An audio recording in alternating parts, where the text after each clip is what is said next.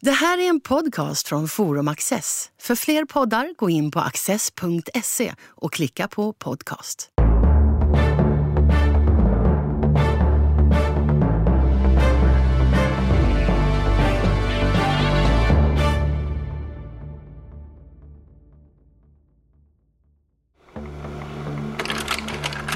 Nya testamentet är en skriftsamling som de första kristna fogade till den hebreiska bibeln, av dem benämnd Gamla testamentet. Nya testamentet innehåller bland annat fyra evangelier som skildrar Jesu liv, gärning och död. Berättelser om budbärare av det kristna budskapet och brev som kretsar kring lärorna och förhållandena i de tidiga församlingarna. Textsamlingens slutgiltiga innehåll fastställdes på 300-talet. Elisabeth Sandlund, ledarskribent i den kristna dagstidningen Dagen, samtalar med Peter Luthersson. Nya testamentet är en skriftsamling som eh, fick sin etablerade, sitt etablerade innehåll på 300-talet. Den innehåller många olika skrifttyper. Ja, det kan man verkligen hålla med om. Det är det ju. Det är, ju, det är reportage, säger jag som journalist. Ja. Eh, det är brev, eh, det är poetiska avsnitt. Det finns det mesta där. Och reportage, vad tänker du på? Det är en reseberättelse ja. också egentligen, en vandringsberättelse sådär i betydelsen att någon vandrar runt? Och... Ja, alltså det finns ju både i, i evangelierna finns ju en sån, ett sån, såna skildringar som ibland då är väldigt samstämmiga, som ibland skiljer sig åt ganska mycket. Men sen hela apostlagärningarna är ju också ett, ett reportage som berättar om hur den kristna tron långsamt växte fram i, i den tidens kultur och med framgångar och vedermödor. Och i breven finns det där också att de är till församlingar som eh, Paulus är det ju i många fall har ja, besökt innan. Och, och, så. Som han då känner att han behöver ofta ta i örat, eller uppmuntra, eller både och. Och evangelierna är ju på något sätt grunden och de är fyra stycken och de är sinsemellan eh, lite olika. Ja, de är ju, det, det är ju egentligen två grupper då. Det är de tre synoptikerna, eh, Markus, eh, Matteus och Lukas. Eh, som då inte är i den ordningen i Bibeln. Men eftersom Markus evangeliet anses vara det ursprungligaste, sen finns det olika uppfattningar om det, men det är ju så man brukar säga. Eh, de, de är ju eh, förhållandevis samstämmiga, även om de skiljer sig åt i, i detaljer. Och sen är Johannes evangeliet har en helt annan ton, en helt annan stil. Eh, även om en del av det som berättas i de andra evangelierna återkommer där, men där finns ju väldigt mycket unikt material. Så att det är ju väldigt spännande att lägga de här bredvid varann och eh, se vad är det som vad, vad skiljer sig åt eh, och, och vad, vad är likt och så. Johannes evangeliet är det som jag känner mig mest främmande för. För att eh, det, dels tycker jag att det är pratigare.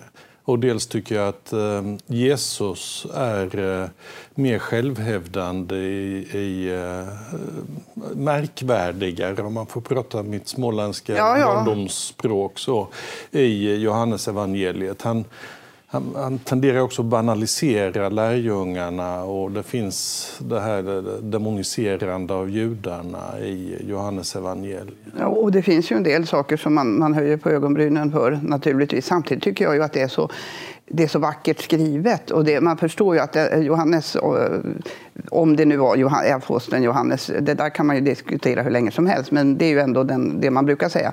Att han verkligen han har sammanfogat, Jesus får ju en väldigt stor roll i sina, sina tal där, inte minst mot slutet när han mm. håller sitt långa avskedstal eh, till lärjungarna och när han ber för dem och så. Det här eh, tänker jag är sammanfogat av sånt som Jesus har sagt vid olika tillfällen. Det här är ju ett, ett stil, ett sätt att skriva, att sammanfoga det till en, en sammanhängande, väldigt logisk och, och liksom flytande mm Eh, så.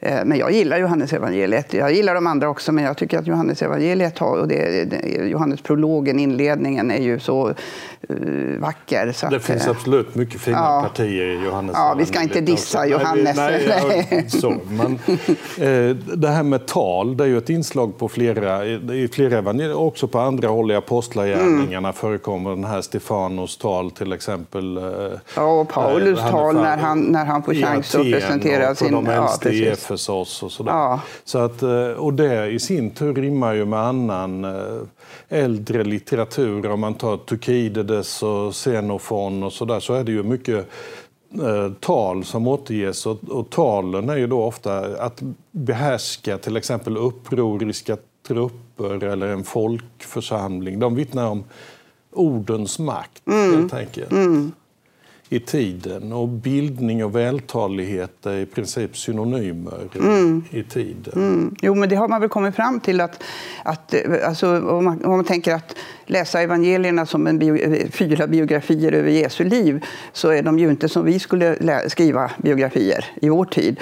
Alltså de, visst, de börjar från början, men det är väldigt eh, korta nedslag och långa partier av Jesu liv är överhuvudtaget inte skildrat. Och, och sen är det då väldigt mycket tal, eh, vad han sa. Mm. Eh, men det, det, det anknyter ju till det. Det var ju så man gjorde då. Det, och det tal inte... på lite olika sätt. Det kan vara då bergspredikan, men det kan Lukas evangeliet till, till exempel innehåller ju extremt mycket vad man idag skulle kalla one-liners. Mm, mm.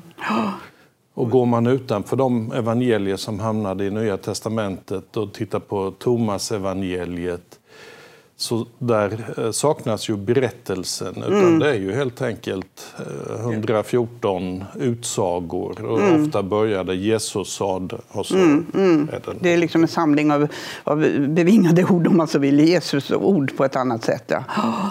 Och det i sin tur påminner ju om andra sådana där personer i tiden, eller lite tidigare, som samlade lärjungar omkring sig och och sa kloka saker. Och sa kloka saker som nedtecknades ja, av de här man talade till. Konfucius, och Buddha och Sokrates. Mm. Jo, men det, det, är ju, det är ju intressant att sätta in Bibeln i just ett sådant sammanhang, och säga, eller Nya Testamentet, då, och säga att, att eh, ja, det är en del av den samtida litteraturen, men det är ju också någonting annat, i alla fall för, för oss kristna.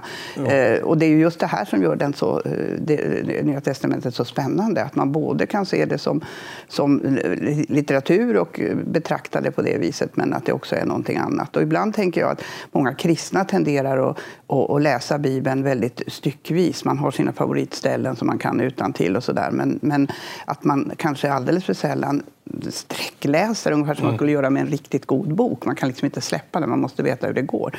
För det, då får man också en helt annan bild av, av händelseförloppet.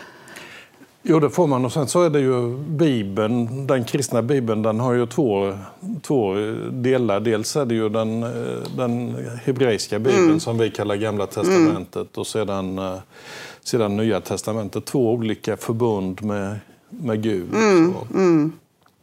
Och en del saker som finns i Gamla testamentet, eller väldigt mycket som finns i Gamla testamentet, återkommer ju i Nya testamentet. Och det, det anknyts ju, Jesus anknyter ju ständigt till saker i Gamla testamentet. Ibland väldigt tydligt, eh, det står skrivet och det kan man hitta var det står skrivet. Och ibland implicit, han bara förutsätter att ja, men det här vet ju alla.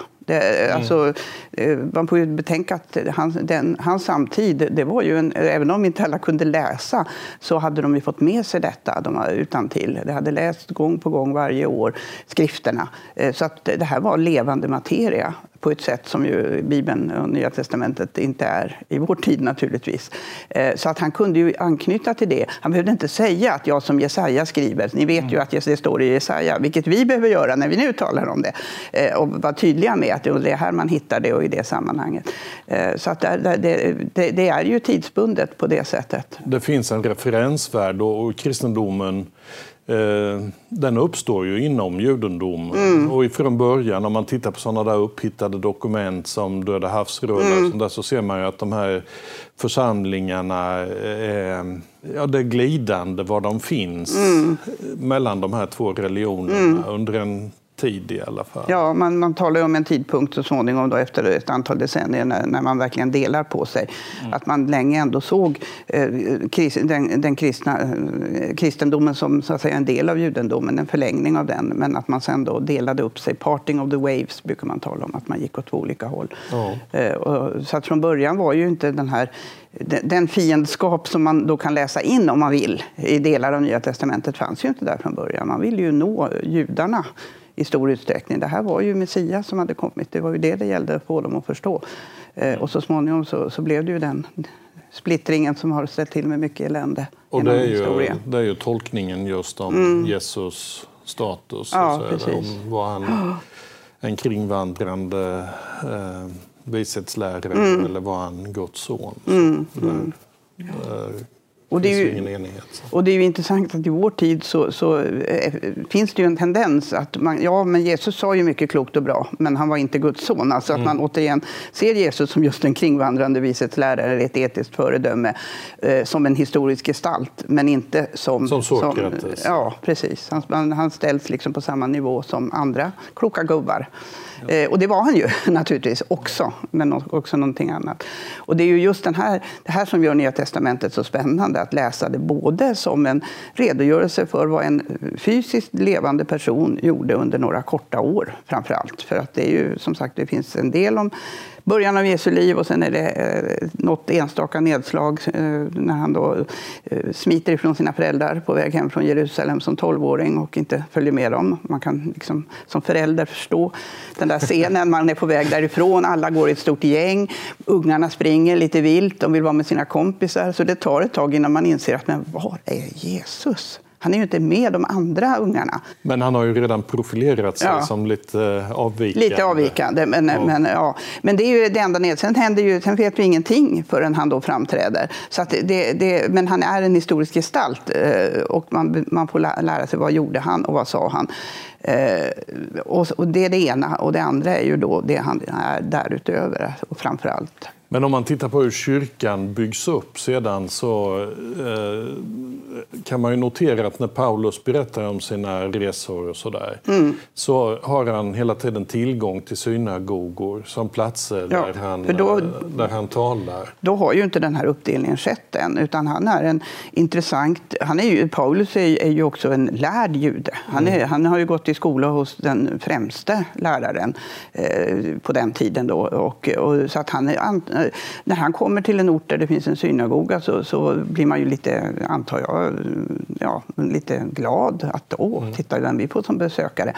Så det är inte så konstigt menar jag att han har, har möjlighet där. Men i Apostlagärningarna finns ju den där berättelsen om hans omvändelse. Det är ju också mm. någonting typiskt för kristendomen. Mm. Det här att man bejakar omvändelsen och man Eh, Jesus umgås ju med eh, tullindrivare och prostituerade mm, mm. och man, gör ingen, eh, man utesluter inte dem mm. och man ser inte ner på dem mm. utan alla kan komma in i en sådan gemenskap. Paulus omvändelse är ju den klassiska omvändelsen mm. i, mm. i Bibeln. Men han är som sagt var lärd en, eh, en intressant sida hos honom.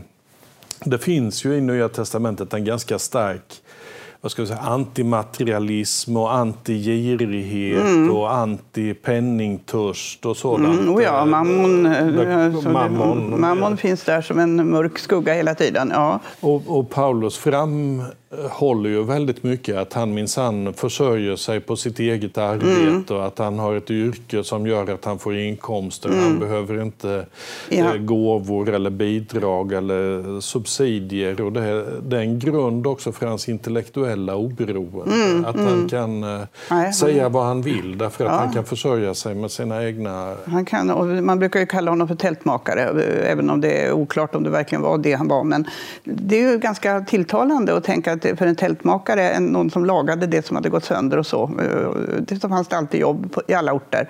Så att han kunde jobba med det ett tag och sen kunde han förkunna eh, och skriva sina brev. Och, eh, ja, det, man talar, även i vår tid så talar man ju om, ibland om tältmakarpräster. Alltså att man skulle kunna, det kanske blir så att man hamnar i ett läge när Svenska kyrkans ekonomi blir sämre, att prästerna måste ha ett annat jobb vid sidan av och sen är de då präster på mer eller mindre fritiden eller halvtid. Och då är det ett, eh, inspiration från Paulus att det är också ett sätt att verka. Paulus är ju också en, en otroligt skicklig organisatör. Han, han konstruerar ju en ordning och, och det är väldigt mycket föreskrifter om vad som ska gälla i församlingen mm. i, i hans brev. Han är på något sätt den som skapar en, eh, eh, ja, ett regelverk, kan man säga. Mm. Och det, det, är klart att det där har man ju då i senare tider och genom kyrkans historia tolkat som att det, så här måste det vara överallt. Eh, alltså, eh, Paulus brev är ju samtidigt allmängiltiga och det finns väldigt mycket som, som att ta fasta på men de är ju också tidsbestämda, eh, kontextuella på det viset. Alltså när han skriver till exempel det som är mest känt när han skriver till församlingen i Korint, kvinnan tiger i församlingen.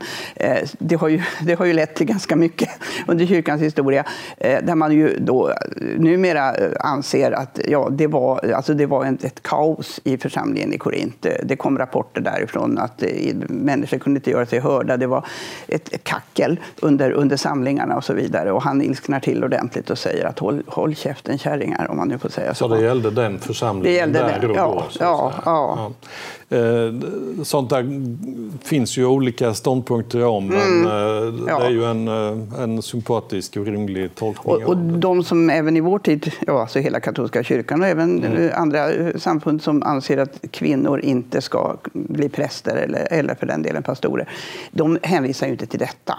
Utan de hänvisar ju till att, att Jesus, hade, Jesus hade bara manliga lärjungar.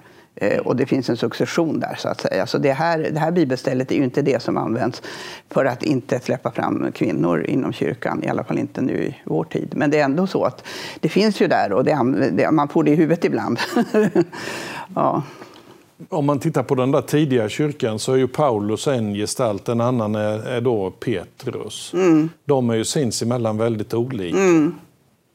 Petrus är ju, tycker jag, om jag ska ha någon favorit bland lärjungarna så är det nog Petrus. Vad bra! Då har vi samma. Ja, men mycket därför att han, han är han, han tänker för, eh, talar först och tänker sen. Han ja, agerar han är, hela tiden. Han är impulsiv. Ja, ja, ja, ja. Och han gör bort och... sig gång på gång ja. och han kommer igen i alla fall. Och, ja, och Jesus får ta honom i örat ordentligt. Och liksom, det är rätt hårt att bli kallad av sin, sin mästare, sin lärare, eh, att bli kallad för djävulen själv. Get thee behind me, Satan. Mm. Alltså, fresta mig inte nu här. Och så vidare. Ja, jag gillar honom och, och, och, och det han, det han han gör. Och han, han, liksom, ja, han är så levande på något vis. Det finns många vad ska jag säga, frihetliga drag hos honom också. Det, det gäller kostregler, mm. det gäller att man eh, kan umgås med vem som helst, att hedningar kan delta på mm. samma betingelser som mm. judar, för att mm. använda den eh, terminologi som... Ja, just det. Ja. Eh, så att han, han lever upp till det där att man ska behandla alla lika. Mm, mm. Och han får ju lära sig det på ett, hand, alltså ett väldigt tydligt sätt då när han är i Simon Garvarens hus i, i, i Jaffa. Eh, och så kommer, då ner, kommer det ner sån förbjuden mat och, mm. Gud säger till honom att det här är inte orent. Ät, tag och ät.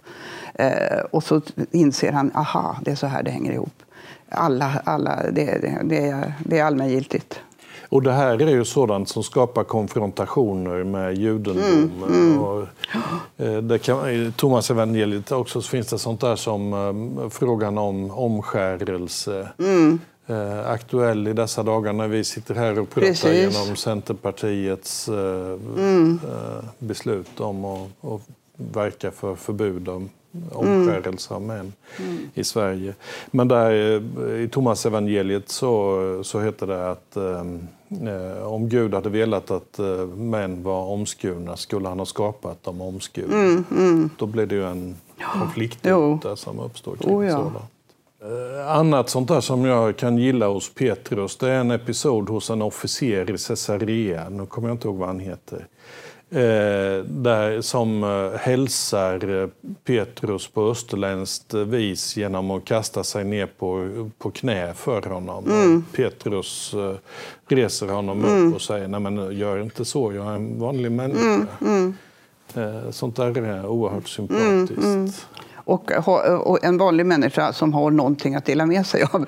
Eh, för det är ju det som är hela poängen. Men ändå en vanlig, en vanlig människa. människa som har varit med om någonting som han kan förmedla. Eh, alltså, det är ju det här med vi kan inte tiga med vad vi har hört och sett. Eh, det personliga vittnesbördet. De här, Petrus har ju varit med. Han, han kan verkligen berätta vad han har varit med om. och sett, Han hänvisar ju i Petrusbrevet ja, till vad jag har sett med mina ja, ögon. Precis. Så. Men sedan är ju Petrus eh, är ju ingen vanlig människa. För i Apostlagärningarna där så berättas det ju också om att det inte bara Jesus har gjort under utan Petrus mm, gör det också. Mm, han, mm. han uppväcker rent av en död i Ja, ja visst. Då, ja. Men eh, ja, Jesus säger ju att ni ska kunna göra större saker än vad jag gör till lärjungarna. Så att han har ju liksom fört vidare den förmågan. Men visst, nej, Petrus är en ovanlig vanlig människa. Det uppstår ju hela tiden vad ska jag säga, motsättningar och sånt där. Ehm, vi sa någonting om det antimaterialistiska, eller det här med antipengar. Mm. Eh, Jesus säger ju till lärjungarna tidigt att man ska inte packa med sig guld och silver Nej. och eh, annat utan man ska, man ska ha förtröstan. Mm. Eh, man tar med sig förtröstan men inte samla på sig en massa Och se på liljorna på marken och så vidare. Ja. Som Selma Lagerlöf sen skrev så vackert mm. med sina Kristuslegender. Mm. Men det där kolliderar ju lite med kyrkans vidare utveckling. Den katolska kyrkan har ju sett många mycket eh, giriga ledare. Mm. Ja, nu finns ju alla de här predikanterna i Nigeria ja, ja. och i eh, Amerika som blev mm. kopiöst rika. Och, mm. eh, när Sven Lidman gjorde uppror mot Levi Petrus så talade han om svinintresset som mm. sitter på podiet. Och mm. Hur mm. ser du på de där? Ja, nej, men det är klart att, att eh, skulle man verkligen bokstavligt läsa vad, vad som finns i, i, i evangelierna och även i breven, alltså det föraktet nästan för det materiella och uppmuntran till, till förtröstan. Och jag menar, I Apostlagärningarna berättas ju om den första församlingen i Jerusalem där man delade allt och förväntades ge alla sina tillgångar till församlingen. Och gjorde man, ljög man om det så gick det en väldigt illa. Ja, det är en, en, en egendomsgemenskap. Ja, precis. Att det, det, det är ju att dra det väldigt, väldigt långt. Eh, och sen har det ju på olika sätt men, men det urartat både tidigare i historien och i vår tid. Jag tänker, jag menar, man kan tänka redan på, på de fantastiska katedralerna katedralerna som, som byggdes under en, en tid när människor levde under väldigt knappa omständigheter. Och ändå så la man så mycket tid och pengar och möda på att bygga dessa Guds hus. Eh, hur kunde man tänka så när det materiella inte var viktigt? Men samtidigt man ville ge Gud det bästa man hade. Man ville verkligen, så att det finns också något vackert i detta.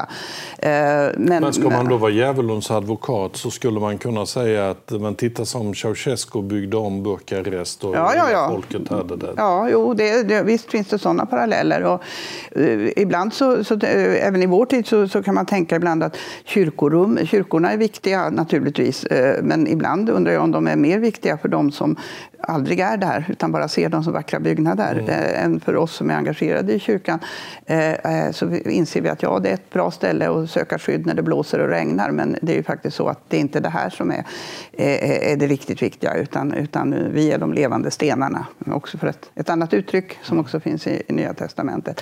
Men, men det, där, det, går ju, det finns ju olika, alltså det, det, olika avarter och, och just den här det är de här riktigt rika predikanterna som inte bara finns i, i, i Afrika utan även i USA. finns ju... Ja, men jag vet att den tidning du medverkade ja. i hade en lista förra året på över världens, de tio ja, och de fanns ju väldigt mycket där. Ja, ja, ja. Och där man då säger att jo, men, men det står, det, alltså, det blir ju den här, jo då, Jesus säger så, men han säger också att om ni verkligen tror på mig och gör min vilja så ska, och min faders vilja och allt detta så ska allt tillfalla er. Och eh, att man då har väldigt mycket rikedomar är ju ett bevis på att man har gjort Guds vilja, för då har ju allt tillfallit en. Då har man ju liksom bitit, det, argumentet biter sig själv i svansen på något vis där. Så att, eh. Annars är det ju det påtagliga med kristendomen, tycker jag, det är ju att den egentligen inte utlovar någonting för detta livet. Utan eh, lever man enligt de mm. levnadsregler som Jesus eh, företräder mm både genom sina ord och genom sitt exempel, så, eh, så utlovas man ett evigt liv. Mm, mm.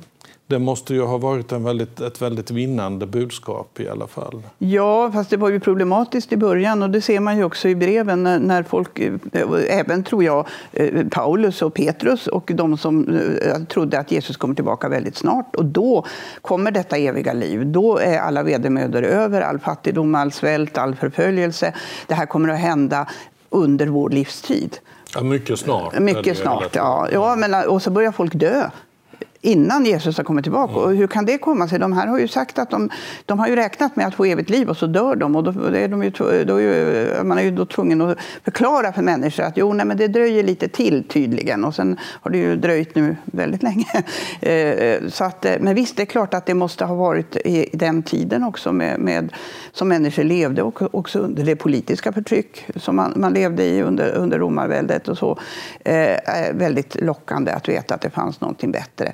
Eh, ett av mina absoluta favoritställen i, i Nya testamentet är, är från första Petrusbrevet där Petrus skriver att var alltid beredda eh, att, svara, att berätta för var och en som frågar, fritt ur minnet, om ert hopp. Mm. Det är det som är det viktiga, att berätta om hoppet om en bättre tillvaro, om ett bättre liv, om att allting kommer att bli bra. Eh, och det, det, det styrker ju det du säger, att det här var ett... ett eftersom man väljer just ordet hopp, mm. det var det säljande budskapet helt enkelt. Att eh, berätta för människor som lever under svåra omständigheter, det finns en annan, det kommer en annan tillvaro, det finns en annan värld som lever under andra omständigheter är ju också en faktor, både i Gamla testamentet och Nya testamentet. Mm. Eh, ett mycket vanligt eh, uttryck i Bibeln som eh, människor säger när de möter någon. Det kan i och för sig vara förknippat med märkliga fenomen, men också bara ett möte. Det är, mm. Var inte rädd. Mm. Mm. Ylva Eggehorn har ju skrivit en vacker psalm mm. med de orden. Men det, det berättar någonting om hur relationerna mellan människor är. Mm. Eh, som det på vissa platser i världen fortfarande är. Att man kan inte möta någon utan att, att vara rädd. Och det är klart att ibland så är det ju därför att det helt enkelt händer någonting så ovanligt och uppseendeväckande så, så, att man kan bli skräckslagen även om man eh, normalt sett inte är rädd. Men, men alltså, var inte rädd det är ju verkligen ett tilltal även in i vår tid när så mycket styrs av rädsla. Rädsla för den andre, rädsla för det främmande, eh, rädsla för rädslan själv. alltså, så att det, det är ju verkligen ett, ett, eh, väldigt påtagligt budskap i alla tider på något vis. Att, att rädsla är någonting som förlamar och, och försvårar och hindrar människor människor att utvecklas och allt detta. Det, det äldsta inslaget i Nya testamentet brukar man ju beteckna eh, Jakobsbrevet som. Mm. Och huvudbudskapet i det, dels är det ju detta om att man ska behandla alla lika och mm. älska sin nästa så som mm. sig själv och sånt där.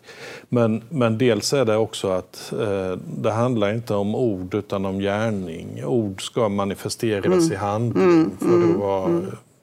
ja, meningsfulla. Martin Luther gillade ju inte alls eh, det här brevet. Han kallade det för en halv epistel. Han mm. tyckte att det borde plockas bort ur Bibeln egentligen. Eh, därför att han, för honom var det ju ordet alena. Mm. Men du har en annan inställning. Nej, alltså, mig, ja, nej, men jag tänker ju att, att egentligen om man läser ordentligt vad det står i Jakobsbrevet så är det ju att, att bara ord hjälper inte, mm. räcker inte, utan det måste också fyllas. Ord utan gärning är värdelösa. Utan, och det, det, I det här ligger ju också detta att gör, alltså, lev inte som, alltså, vi ska ju leva som, som, inte bara som vi lär, utan också som vi lever. Eh, annars så, så trovärdigheten i det kristna budskapet, och man kan säga hur många vackra ord som helst, men agerar man inte i enlighet med de orden så är de ingenting värda. Så därför måste ju ord och handling gå, gå hand i hand. Och det, så läser jag Jakobsbrevet. Och då blir det en uppmuntran för både för liksom det konkreta eh, arbete som kristna utför i form av diakoni och sociala insatser som är, är oerhört viktigt i Sverige idag, men också i eh, den form av handling som ett, ett samhällsengagemang innebär. Eh, det blir ju en annan form av ord naturligtvis, men det är också ett sätt att omsätta eh, Nya testamentets lära i vår tid, i att vara jordens salt helt enkelt. Om man tittar på andra inslag i den här Kristi förkunnelse så är det ju eh, att man ska vara samlande och inte splittrande. Mm. Splittring är en svår synd. Mm. När Dante förpassar Mohammed till helvetet mm. så är det inte för att han har gift sig med minderårig eller eller eh, förkunnar med svärdet, sprider sin lära med svärdet. Mm. Utan det är för att han har fungerat splittrande. Mm. Den, eh, den anmärkningen skulle ju sig kunna vändas mot kristendomen Absolut. också. Absolut, och då är vi tillbaka i Johannes evangeliet och Jesu bön för sina lärjungar då, precis innan han ska lämna dem, där han ber väldigt, väldigt starkt att jag ber att ni ska vara ett Som, mm. eh, och det ska ju, jag brukar använda det här när jag pratar om vikten av ekumenik och säga att det, han säger ju inte sen för att ni ska ha trevligt tillsammans, eh, utan han säger det för att världen ska tro. Världen kan inte tro, eh, världen kan inte ta till sig den kristna tron om inte kristna visar enhet och samling. Eh, och där finns det ju verkligen väldigt mycket som eh, kyrkan genom alla tider ändå måste ta fasta på och säga att här har vi inte lyckats leva upp till. Och det är Dantes tanke det där att detta är sättet att rädda freden. Men nu är vår tid slut, Elisabeth. Nu är vår tid slut. Det gick fort. Det går fort. Tack så mycket. Tack ska du ha.